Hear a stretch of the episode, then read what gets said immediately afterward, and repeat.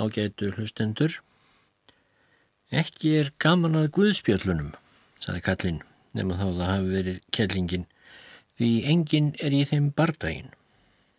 Sú kvörtun verður ekki höfðum rómverjasögu, eins og diggir hlustendur þessarar litlu þáttaraðar vita, því ég hef yðurlega leitað fanga í sögu rómverja hinnafornu og þar skortir svo sannarlega ekki bardagana. Réttar að vera að segja að það reyki hver bardaginn annan og af nógu að taka svo rækilega sem sagnræðingar og sagnarittarar hins gamla Rómaveldis röktu hernaðarslóðina og hvarvetna líka eftir blóðu, jörð, brotin bein og sundur hognir limir. En reyndar eru sagnarittarar Rómverja yfirleitt uppteknir af gangi bardagans og sjálfri herstjórninni, hver sótti fram hvenær og af hver miklu kappi og þó umfram allt hverjir unnu og hverjir töpuðu og hver flúði svo hvert og hver létt slag standa, hver létt knjefylgja kviði og svo framvegis. Sjaldan er hins vegar vikið mörgum orðum að hlutskipti annara en æðstu herfóringjana. Við fáum lítið sem ekkert að kynnast hinnum óbreyttu hermönum sem lögðu þó blóð sitt og líf í að berjast stundum fyrir mjög óljósan málstað, stundum bara fyrir hjeggómasakir herfóringjana. Alþýðu mennirnir livðu, börðust og dóu á þess að orðu væri á gerandi í rómverskum sagnarittum. En á þessu er þó ein markverð undantekning. Í upphafi annála sinna segir sagnarittarinn Tacitus frá uppreist sem gerð var í rómverska hernum í Pannoníu árið 14 eftir Krist. Og þótt Tacitus, sem er virtasti sagfræðingur Rómaveldis, er mér óhætt að segja og um, sinni fínafólkinu og hennum æðstu herfóringjum og keisurum af mikilli natni Þótt hann takja ekki beinlinis málstað uppreysnarmannana, þá lýsir hann þó ástæðum þeirra, aðstæðum og hlutskipti af meira skilningi og næmi en dæmi eru um í sambærilegum sagnaritum fornum. Gamlir, lúnir, öróttir, bæklaðir dátar koma þar fram og krefjast réttlætis og sangiritni og lesendur sem eru vanir því að rómverskir herir séu eintóna og einbeitt verkfæri hinn að glæstu herfóringja en um leið að dátarnir séu viljalöysir með öllu og nafnlöysir. Þessir herir reynast allt í einu hafa í sínum röðum einstaklinga með skoðanir, baráttumál og umkvörtunarefni og einn og einn heitir jafnvel eitthvað. Ég ætla að lesa frásögn takitussar af þessari uppreysni í þessum þætti. Mér minnir reyndar að ég hafa einhver tíman fyrir mörgum árum áður veikið að þessari uppreysni stutumáli en hér kemur sem sagt frásögn takitussar öll. Þetta er kannski ekki fræðileg þýðing en allarar nákvæmni er þó gætt. En hvernar gerðist þetta og hvað var á segði? Jú, þetta gerðist árið 14 eftir Krist eins og ég sagði á þann og þá voru mikil tímamóti í sögur Rómaveldis. Ríkið hafði á nokkrum öldum þanist út frá Ítalíu skaga og út um allar koppagrundir við miðjarðarhaf og líka inn í mið-Evrópu, bæði Germaníu þar sem nú heitir Þískaland og svo til dæmis Pannoníu sem nú heitir Ungveriland og um leið hafðu geisað stöðug borgarastríð innanlands í Rómaveldi uns aðeins einn maður stóð eftir efst í valdastega ríkisins. Það var um miðja fyrstu öld fyrir Krist eða þarumbil. Octavianus hétt hann, en eftir að hann var orðin alráður í ríkinu kallaðist hann fyrsti keisarin og eftir leiðis var hann nefndur Ágústus. Ágústus ríkti í rúma fjóra áratögi. Hann kom á friði innanlands en á landamærum ríkisins ekki síst í Germaníu og Pannoníu var þó oft ófriður millum hinna þraut reyndu og þraut píndu rómversku herja annarsvegar og innfættra hinsvegar sem rómverjar kvölduð villimenn. Herþjónustan var laung og ströng svo óánægja kröymaði undir niðri en hún braust þó ekki út meðan Ágústus lifði en það var hann virtur vel, einhverjum á setni hluta valdaferilsins þegar allir voru ornir vanir honum og treystu á hann til að viðhalda stöðuleikanum innanlands. En Ágústus átti þó við vandað stríða á setni árum.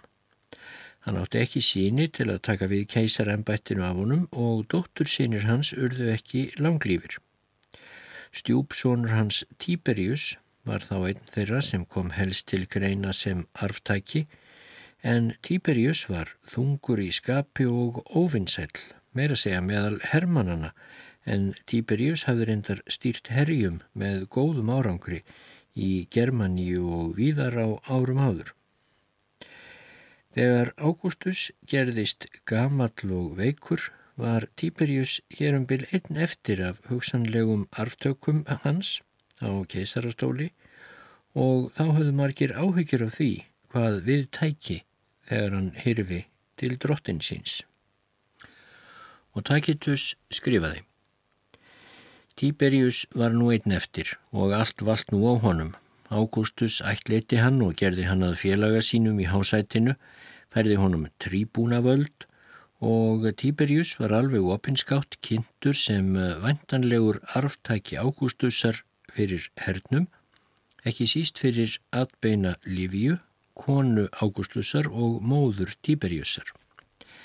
Livia hafði þýlikt tangarhald á Ágústus í ellinni að hún fekk hann meira segja til að vísa eina eftirlifandi dóttur síni sínum í útlegð. Það var Agrippa Postumus sem var látin dúsa á eigunni Planasíu. Postumus þessi Hann var vissulega alveg ólærður í dygðum hverskonar en þeim mun stoltari af líkamskröftum sínum. En hann var þó ekki sekur um neyn sérstök neyksli. Ágústus virðist þó hafa viljað líta lengra en einungist til Tíberjusar og því setti hann Germanikus, svon Drúsusar heitins, bróður síns, yfir heilar átta hersveitir við Rínarfljót. Og hann skipaði Tíberíusi að ættleiða Germanikus þótt Tíberíus ættir veinar fyrir fullveðja són Drúsus yngra.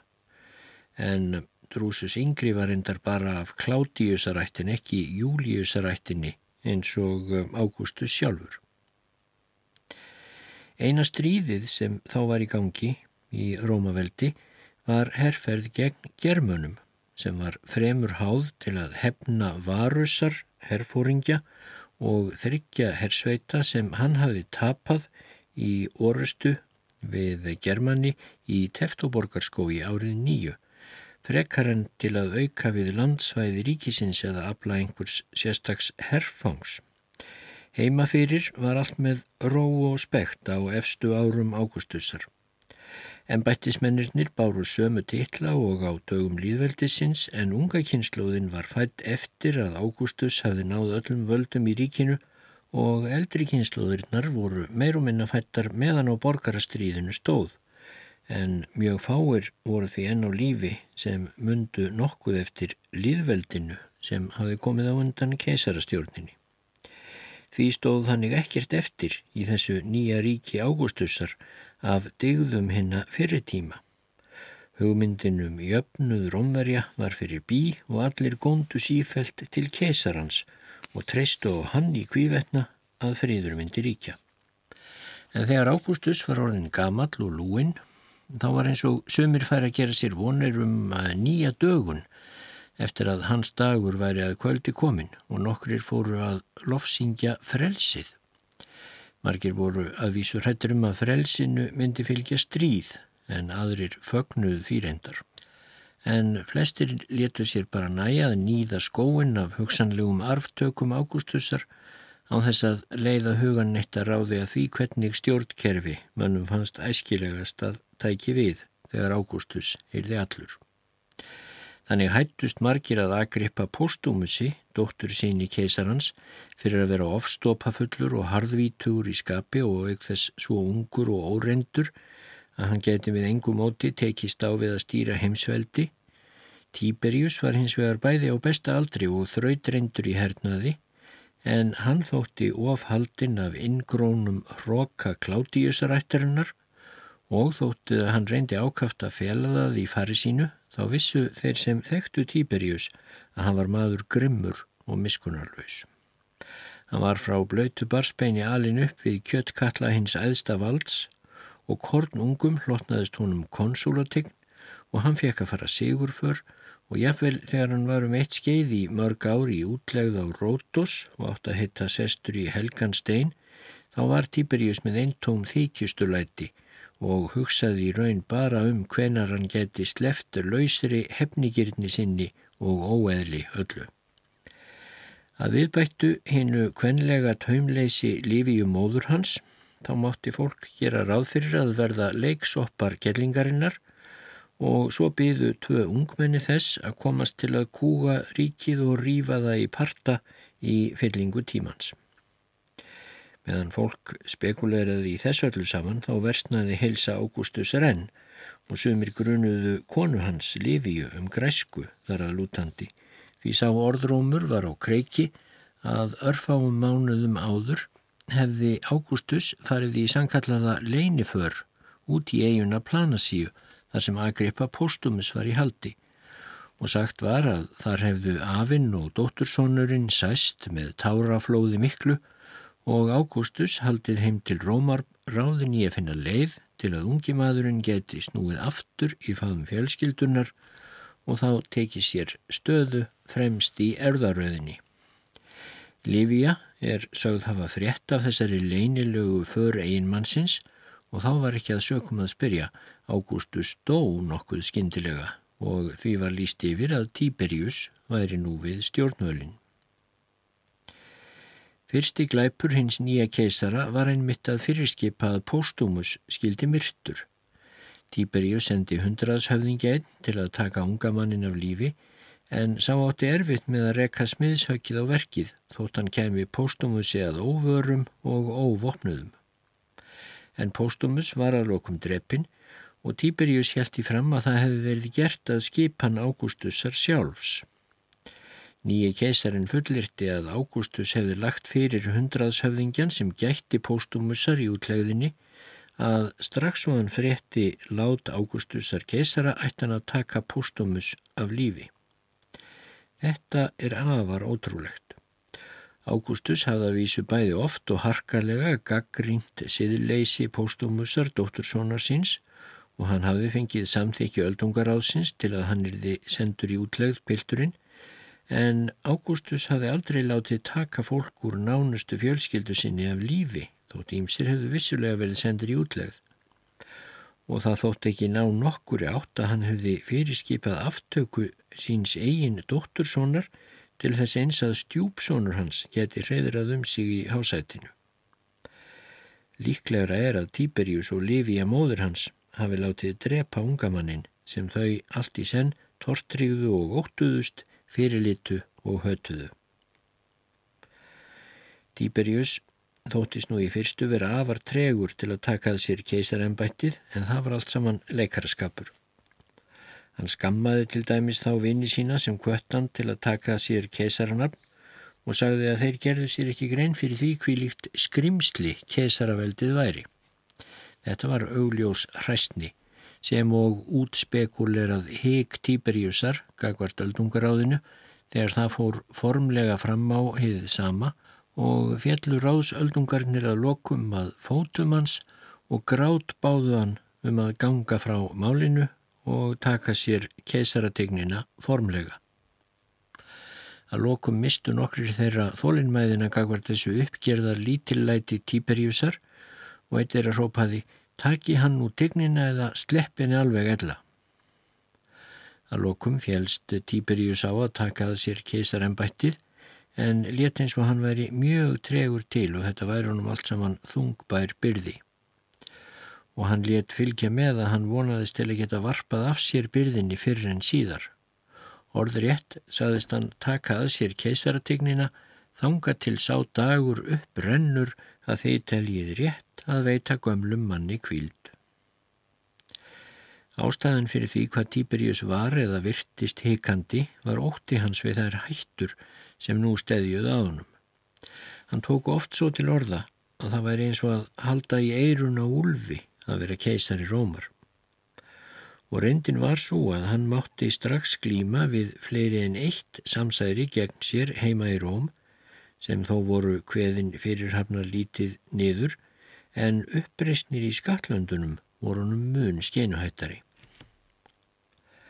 Í Pannoníu, þar sem nú heitir sem sé Ungverjaland, svona nokkurn veginn, þar braust út uppreysn nálega um leið og frettist af dauða Ágústusar. Ástæðan var í rauninni ekki önnur en svo að hermeninnir litu á keisaraskiptin sem tækifæri til að rasa út og eh, þeir vonuðist til að græða eitthvað á upplausn og tókstreitu innanlands.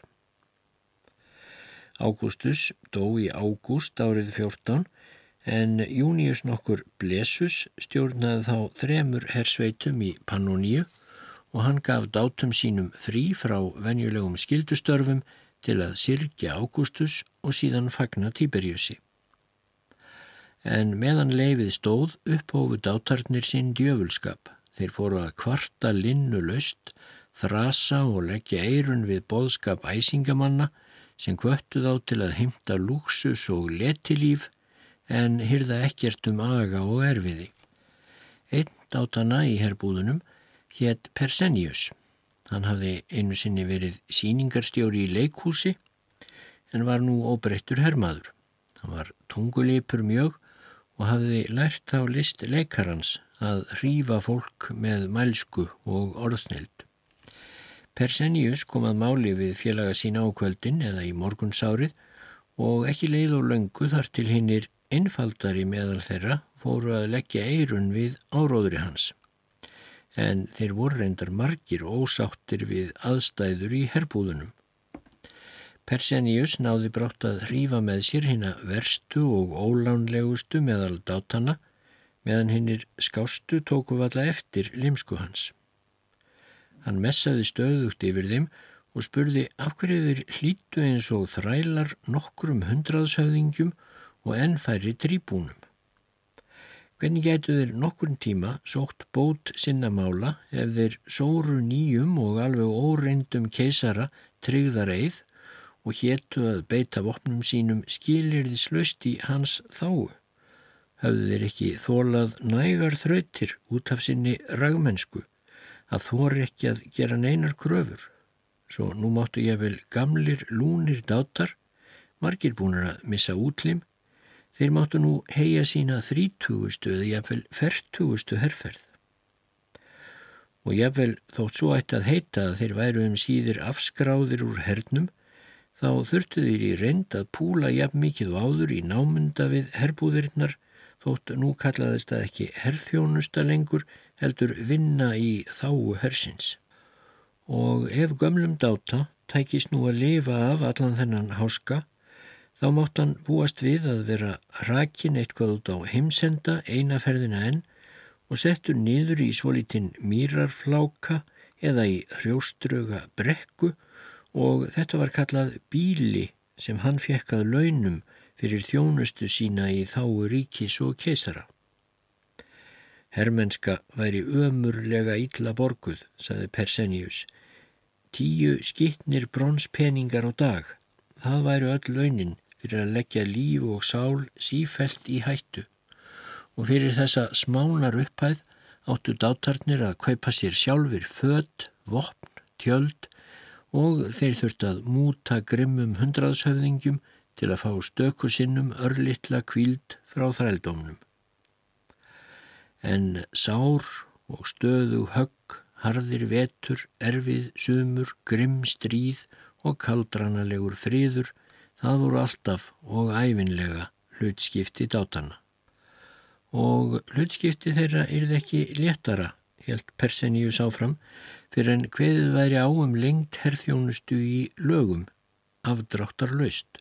Kaup þeirra væri ákvarðað einn silfurpeningur á dag, ekki væri heimilt að framlengja herþjónustuna einhliða af hersveitarfóringjum og bónus við þjónustu lok ætti að greiðast tafarlaust út í reyðufjö í herbúðunum en hann ekki afgreittur með óljósum loförðum um borgun einhver tíma í framtíðinni eins og algengt var.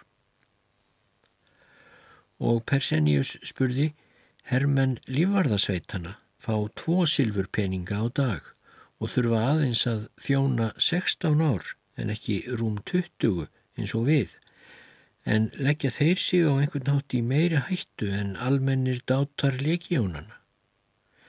Hermeninnir hefðu sannarlega ekkert á móti því að gegna herþjónustu sinni með rólegri varðstöðu við keisarahöllina í Rómaborg eins og hermenn lífvarðasveitana gera.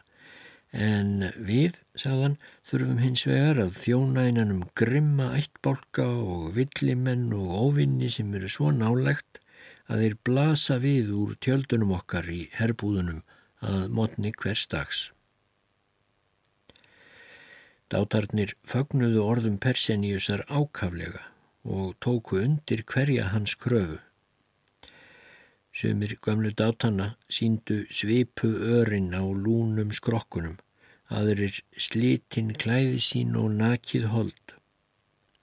Að lokum voru hermennirnir orðnir svo æstir að þeir hugðust slá hersveitunum þremur saman í eina ognar stóra leikjón en ekkert var þó úr því vegna innbyrðist tókstreitu og afbríðisemi því allir vildu að hínar hersveitirnar tvær slæjust til liðs við þeirra hersveit.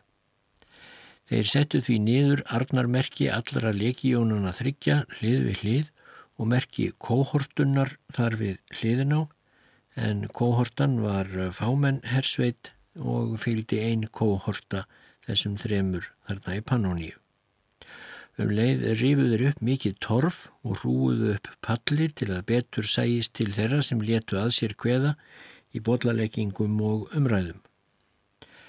Sem þeir voru að fást við þetta þá byrtist Június Blessus yfir maður legíónana þryggja og formælti þeim og hann reyndi að stöðva bjástur mannana með valdi og hrópaði Þið skulu þá bara baða hendur ykkar í blóði mínu því það er minni glæpur að drepa herfóringja sinn en að gera uppreist gegn keisara sínum. Annarkvort vil ég trúar hersveitir eða þá þóla að vera myrtur ef það mætti kveikja í þessum dáta skömmum, yðrun og yfirbót. Það lokum varð harka blesusar og ákveðni til þess að dátarnir hættu að hrópla upp torfhaugnum en hann var þá komin í brjósthæð. Blesus helt svo áfram máli sínu og talaði af miklum sannfæringar krafti. Hann sagði að uppreist nú óerðir væru ekki réttu leiðirnar til að ná eirum kesarans með gröfur sínar og óskir en það hefðu fyrirennar þeirra í rómurskum hersveitum ekki farið þá leið gagvart sínum yfirfóringjum. Nýja heldur þeir sjálfur fram að þessu gagvart hinnum guðlega ágústussi meðan hann lifiði og þetta væri korki staður nýja stund til að auka á byrðarnar hjá nýjum keisara, honum Tíberíusi. En ef þeir ætluði sér í raun og veru að krefjast þess að fá slíka launahækkun og slíka umbun á fríðartímum sem þrautreyndir dátar borgarastríðana fyrir meir hefði ekki einu sinni notið, af hverjum leið að leggja með valdi stein í götu skildurækni og aga. Nær væri þeim að nefna fulltrúa í nefnd sem færi á fund Tíberíusar og legði kurtislega fyrir hann óskir þeirra og bænir. Hermenninir óskuðu þess nú með háreisti miklum að sonur Blesusar, sem var tríbún í einni hersveitinni, skildi verða fulltrúi þeirra, ganga fyrir Tíberíus og krefjast þess að allir hermenn sem þjónað hefðu lengur en 16 ár skildu umsveguleust listir frá herþjónustu en aðrar kröfur hugðust hermeninnir svo setja fram þegar þessari frum kröfu þeirra hefði verið mætt.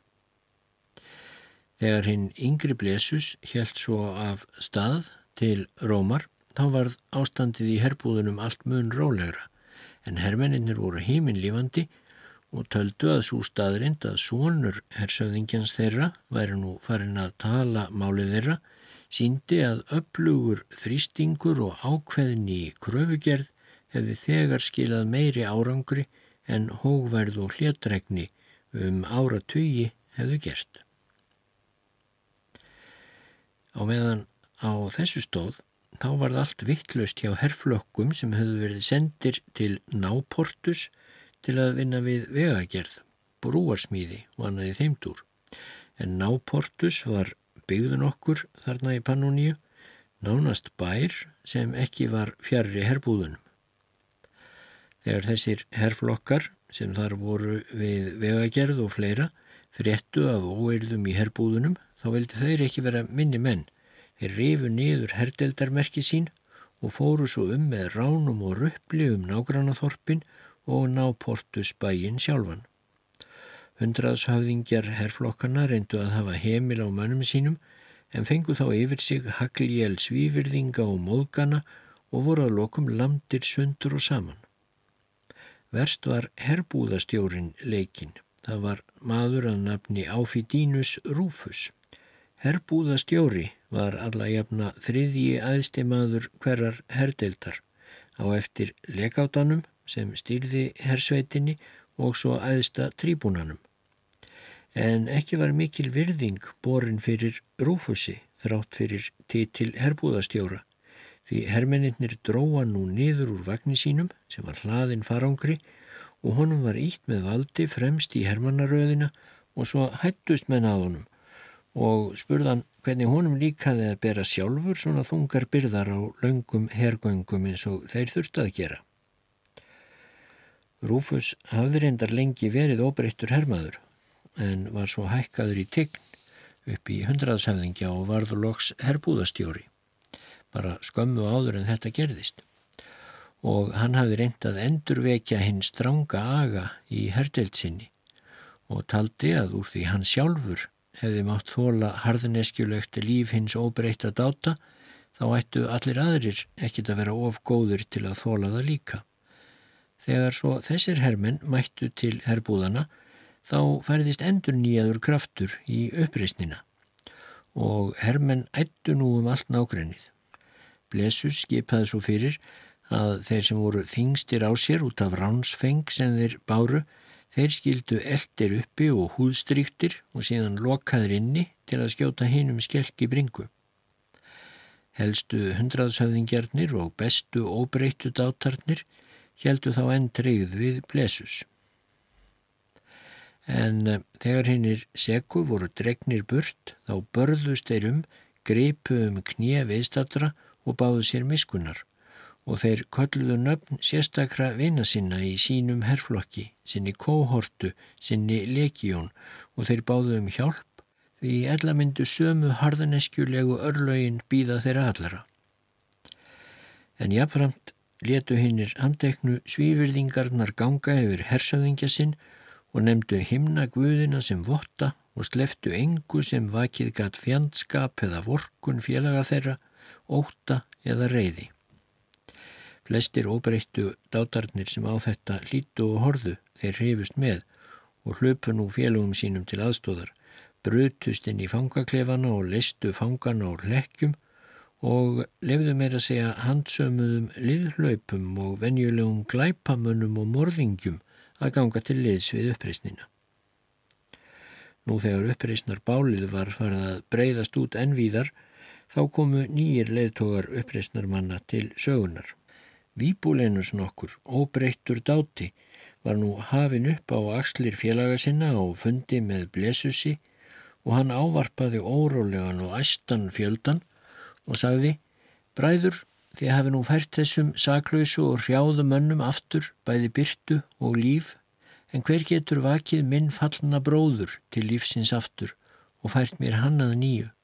Hann var sendur hingað til ykkar frá hernum í Germaníu og í gerkvöldi var hann drepinn af skilmingaþrælum blesusar, óþjóða líð sem herfóringin heldur uppi og vopnar til að myrða óbreyta hermenn. Svaraðu mér, blesus, hvert flegður þú líki bróður míns? Meira að villimenn myndi ekki sinjónum um að vera grafin á sómasamlegan háttalíkt og þú hefur nú gert, með því að afhenda mér ekki einu sinni líkans. Er þá ekki bara best að þrælar þínir slátri mér bara líka? þegar ég er orðin svo örmagna af sorg og tárum og kossum yfir líki bróður míns og leggja okkur þá báða í jörð, báðir drefnir, þó við höfum enga glæpi dríkt, heldur aðeins talað máli hermannana.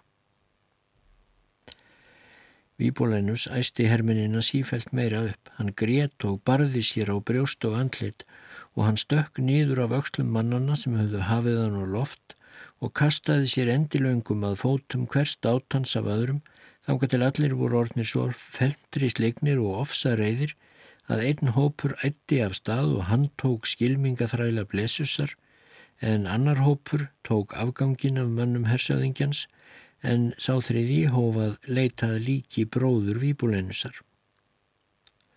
Svo mikill var æsingurinn að ef það hefði nú ekki komið upp úr durnum að líkið fannst hverki og þjónar blesusar þvertóku fyrir að hafa myrt nokkur mann, jáfnvel þótt þeir væru pintaðir grimmilega og þótt að kemilóks upp úr durnum að Výbóleinus hafði aldrei áttnitt bróður.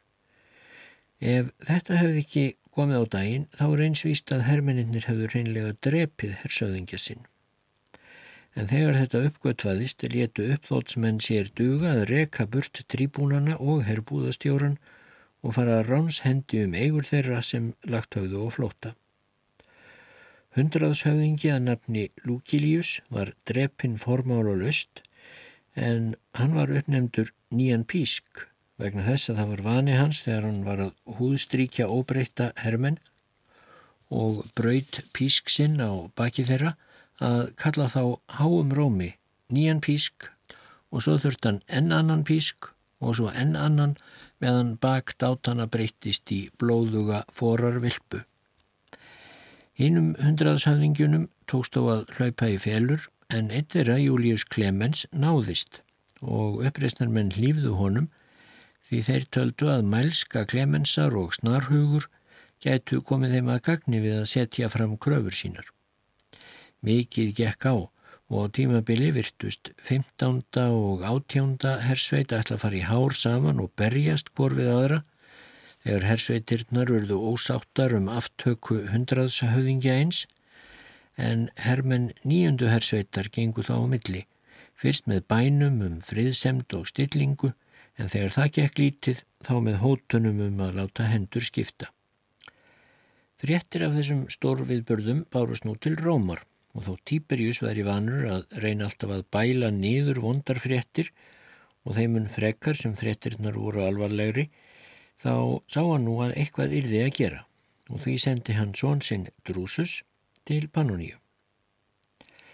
Drúsus, sem æfinlega var kallaður Drúsus yngri til aðgreiningar frá föðurbróður sínum sem var láttinn fyrir löngu, hann fekk sér til fylgdar öflugt lið, þar á meðal tvær kóhortur úr hinnum kesaralega lífverði og hafðu hraustir hermen verið sér valdir til þessarar ferðar og að auki fylgdi öflugur rittaraliðsveit og hraustustu flokkar þeirra germana sem teknir hafðu verið í kesaralífverðin. En hins vegar hafði Tíberíus ekki gefið Drúsusi neinar sérstakar fyrirskipanur um hvað gera skildi þegar hann stæði anspænis uppreysnarmönnunum. Hann átti einfallega að gera viðegandi ráðstafanir byggðar á því hvernig ástand mála reyndist vera. Og Tíberíus sendi með Drúsusi sjálfan yfirmann lífarðasveita sinna, Elius Sejanus. En hann var mikið tryggða tröll í augum kesarans og átti að leiðbeina Drúsusi í kvívetna og ráðleikja honum um að ímist refsa eða verðurlauna uppreysnarmenn hvort heldur yrði ofan á. Þegar Drúsus nálgæðist komu hersveitirnar út úr herbúðum sínum og til mótsviðan en það var síðvenja í hersveitunum þegar mikil sáttar maður heidraði þær með nærveru sinni. Nefna hvað í þetta sinn voru hersveitirnar ekki með glöðu og snirtilegu yfirbræði og skörtuðu sínu fegursta og öllum sínum viðurkenningum og verðlauna borðum eins og hefði átt að vera samkvæmt hefðum, heldur voru menn úpnir og óreinir og sorgmættir og þungir á svip, svo stappaði næri ósvipni. Um leið og drúsus, skálmaðinn í herbúðirnar, lokuðu varðmenninir hliðunum á virkisgarðinum sem umhverfist þær voru og hann skipaði hópum vopnaðara manna og vörð á mikilvæga staði innan búðana en hermen hans umkringdu síðan fundarstaðin og stóðu þar þétt saman gráir fyrir járnum. Drúsus staðnæmdist, anspænis uppreysnarmönnum og lifti hendi til að byggja um þögn. Uppreisnarmennirnir horðu órálegir í kringum sig. Þeim var hægt að lítast á blikuna yfir fjölda hermannana sem Drúsus hafði komið með, en háfaðin í uppreisnarmennunum hljóðunaði þó smátt og smátt. Sumir þeirra skulfu, þeir voru í senn óttasleiknir og óttalegir. Sumir pískruðu, aðrir grenjuðu hörkulega, en um síðir fekk Drúsus hljóð. Þá upphófan lóksa rött sína og las bref frá föður sínum þar sem Tíberjus keisari sagði að hann hefði alltaf unnað sérilagi þessum hersveitum sem hann hafði þólað með margar herrferðir á fyrir árum. En undir eins og sorgin vegna fráfalls föður hans, hins guðlega ágústussar, hefði sjatnað ögn í brjósti sér, þá myndi hann leggja kröfur hermanna sinna fyrir viðeigandi hluta öldungaráðsins en í millitíðinni Þá hefðan sem sé sendt són sinn drúsus til að hrinda þegar í staði framkvæmt hverjum þeim umbótum sem hægt væri að koma á án frekari umsviða. En þeir yrðu að gera sér grein fyrir því að frekari umbætur yrðu svo að býða niður stöðu öldungar ásins. En það, saði keisarinn í brefi sínu, gat sínt hvort heldur væri miskun eða hörku. Svar uppreysnarmanna var að hundraðshöfðingin Klemens myndi setja fram kröfur þeirra með ræðu og Clemens nefndi fyrst þá kröfu að herrþjónusta skildi aðeins vara í 16 ár því næst að öll laun og bónusar skildu greitir út um leið og þjónustu líki kaupið ætti að vera einn silfurpenningur á dag og engin herrmaður skildi þvingaður til vinnu í herrbúðum eftir að reglulegri herrþjónustu líki. Drúsus reyndi að vinna tíma með því að benda á að valdið til að taka ákvarðanir um svona mál lægi hjá öldungaráðinu og föður hans, keisarannum, en hermeninnir gripu fram í fyrir honum með rópum og köllum. Til hvers var hann eiginlega komin ef hann hafði ekkert umbóð til að taka ákvarðunum neitt? Það vantaði ekki að léttverk og löðurmannlegt var að taka ákvarðanir um húðstríkingar og aftökur óbreyttra hermana, svo hvað var svona óurlega miklu flóknara við að ákveða launahækkun til þeirra?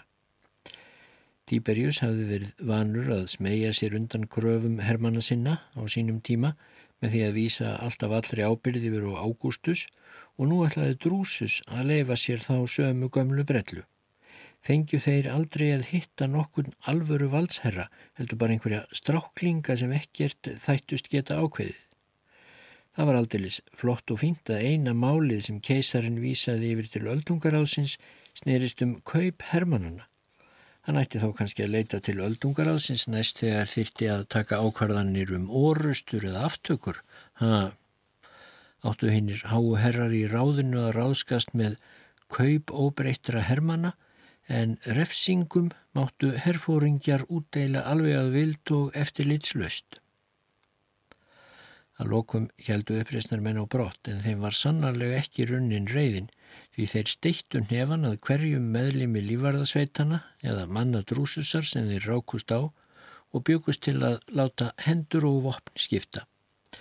Mest var heft þeirra í garð gneiusar lentúlusar en þeir töldu að í krafti aldursins og orðstýrs þá herti lentúlus hinn unga drúsus mjög í andstöðun í gegnum og það var í hann sem kvetti drúsus til að svara uppreysninni með fullri hörku.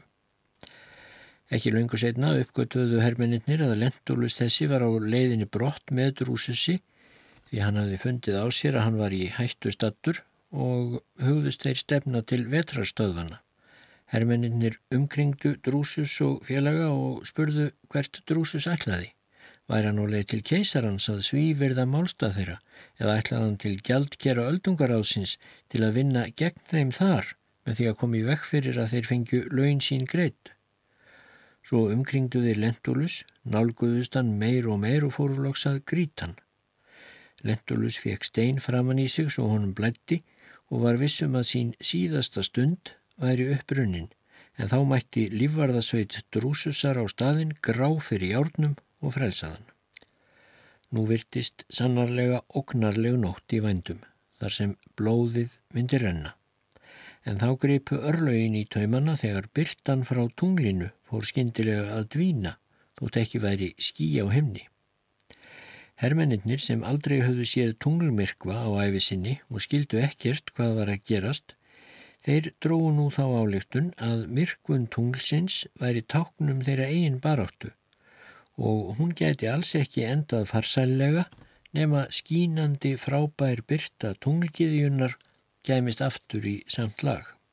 Nú börðumenn á bronskildi með miklum látum og lúðrar voru þeittir og pípur og horn og menn ímist fögnuðu eða hörmuðu eftir því hvort byrta tunglsins virtist aukast eða minka.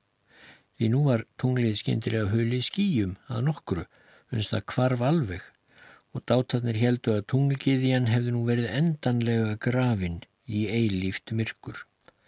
Svo hjá trúarföllir eru menni í uppnámi að þeir sannfærðust nú á einni svipan um að þessi undur væru fyrirbóði um enn meiri erfiðleika fyrir þá og að sjálf tunglgiðjan hefði snúið sér undan til að verða ekki vittni að glæpum þeirra. Drúsus hugsaði nú með sér að hann yrði að grípa þetta tækifæri og vit yrði að fylgja þessu útspili örlagana. Hann let nú fylgja sér um tjöld dátana og kallað var á hundraðshöfðingjan Clemens og alla aðra liðsfóringja sem vinsælir voru meðal óbreyttu hermannana fyrir mannkosti sína.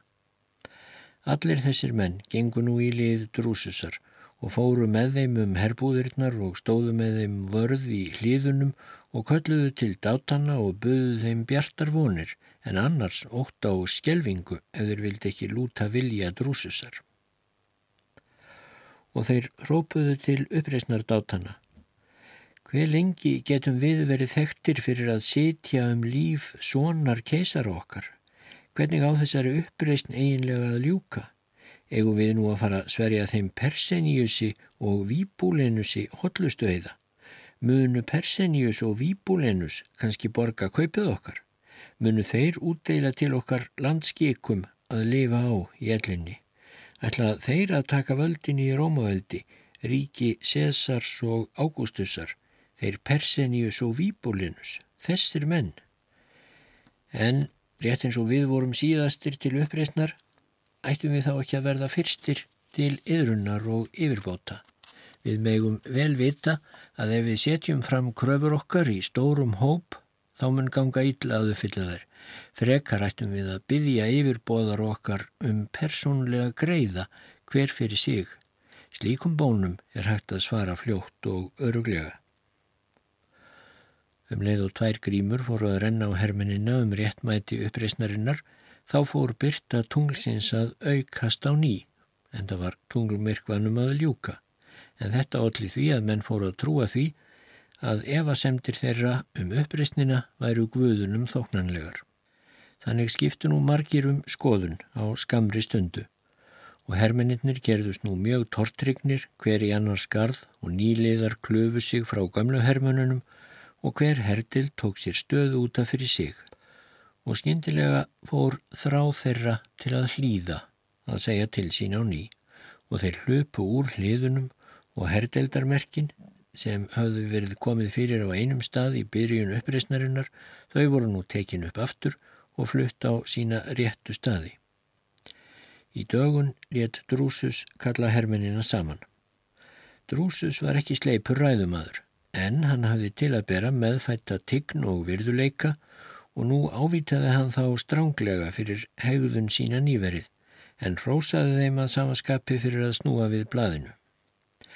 Hann hafnaði hótunum þeirra og ógnunum en sagði að ef hann sægi að þeir snýru nú þegar aftur til skildustarfa og síndu tilhýðilega undirgefni þá kynni hann að skrifa föður sínum og tjá honum að þar sem dátar hans væri nú til friðs á ný þá væri kjörið að afgreða óskir þeirra og bænir með mestu velvild. Hermeninnir grátt báðun út rúsus að skrifa Tíberíusi slíkt bref og þeir skipuðu þrjá fulltrúa til að fara með bænaskrá sína til Rómar og leggjana fyrir keisaran. Eitt þeirra var hinn Yngri Blesus, annar var rómverskur Ekviti í herráði Drúsusar sem Lucius Aponius hétt og sá þriði var hundraðshöfðingi hraustur og dáður að nafni Justus Canonius. Nú urðu menn ósáttur um hvað gera skildi næst. Sumir herfóringja drúsusar vildu býða eftir því að sendi bóðarnir þrýr snýru tilbaka og fara mildilegað mannskapnum fram að því en aðrir vildu sína mun meiri hörku. Mannfjöldi neyist alltaf til öfga og æsinga, sögðu þessir menn, og líðurinn lætur sig ekki nema honum sé skotið rækilega skelk í bringu. Það er fyrst þegar fjöldi er skelvingu lostinn sem ekki þarf að óttast hann og nú þegar dátarnir höfðu verið kildir kaldir af hjátrú og hindurvitnum þá geti drúsus aukið enn á óttaðira með því að uppræta liðtoga þessara óerða og uppþóts. Og drúsus ákvaðað síðari leiðin væri vanlegri. Hann síndi nú hérna mestu hörku við að hveða niður leifar uppreysnarinnar. Víbúlenus og Persinius voru dregnir fram og formála laust dæmdir til dauða og teknir þegar í stað af lífi. Ekki fyrir neinum sögum af dauða þeirra slúbertana en flestar heimildir herma að lík þeirra hafi verið hustluð undir kofa hersöfðingjans en þeir eru þó til sem segja að líkum tvímenningana hafi verið hend út fyrir virkisgarðin og þau látin rótna þar. Svo uppást leitað hinnum forsbrökkum uppreysnarmanna og lögðu sumir þeirra á stefnulösan flótta út úr herbúðunum en voru þá hognir niður af hundraðshöfðingjunum eða lífarðasveitunum en eh, dátatnir framseldu sjálfur suma þeirra til þess að sína hvaðir væru nú orðnir trúir og tryggir. Og nú bættist ofan á aðrar hörmungar hermannana að veturinn gekk snemma í gard með kulda og endalösu steipiregni sem enn komust valla út úr tjöldum sínum og ekkert tóm var til fundahalda en það áttu allir nóg með að koma í vekk fyrir að hersveitarmerkin sópuðust burt í stormum og vasflóðum. Hermannunum fannst að reyði guðana heldist yfir þá með ísköldu regninu og tunglið myrkvaðist og það var ekki að ástæðu lausu sem þeir kvísluðust áum að það stafaði á guðlausu hátterni þeirra, rétt eins og öskur vindsins í skóunum og ekkert látvirtist ætlað verða á eindera og eina ráðið að hverfa burt frá þessum vanhelgu ógæfu búðum og reyna að þú af sér sektina og skömmina með því að snúa aftur til vetrarbúða sinna. Fyrst kvarf áttunda hersveit á brott, síðan svo fymtánda. Dátarnir í nýjöndu hersveit ætluð að reyna að býta á jakslinn og býða eftir svari típerjusar við kröfum þeirra, en brott kvarf hinna hersveitana dróa lokum úr þeim allan mátt og þeir gerðu sér um síðir grein fyrir hinnu óhjákvæmilega og lúpuðust sjálfur af stað gegnum dimman, blöytan, stormbarinn skógin til vetrarbúðana. Og Drúsus sá að nú var allt fallið í ljúva löð og það var enginn þarf á að býða eftir fulltrúum keisarans og hann helt sjálfur á brott og heim til Rómar þar sem nýji keisarin var orðin tröstur í sessi.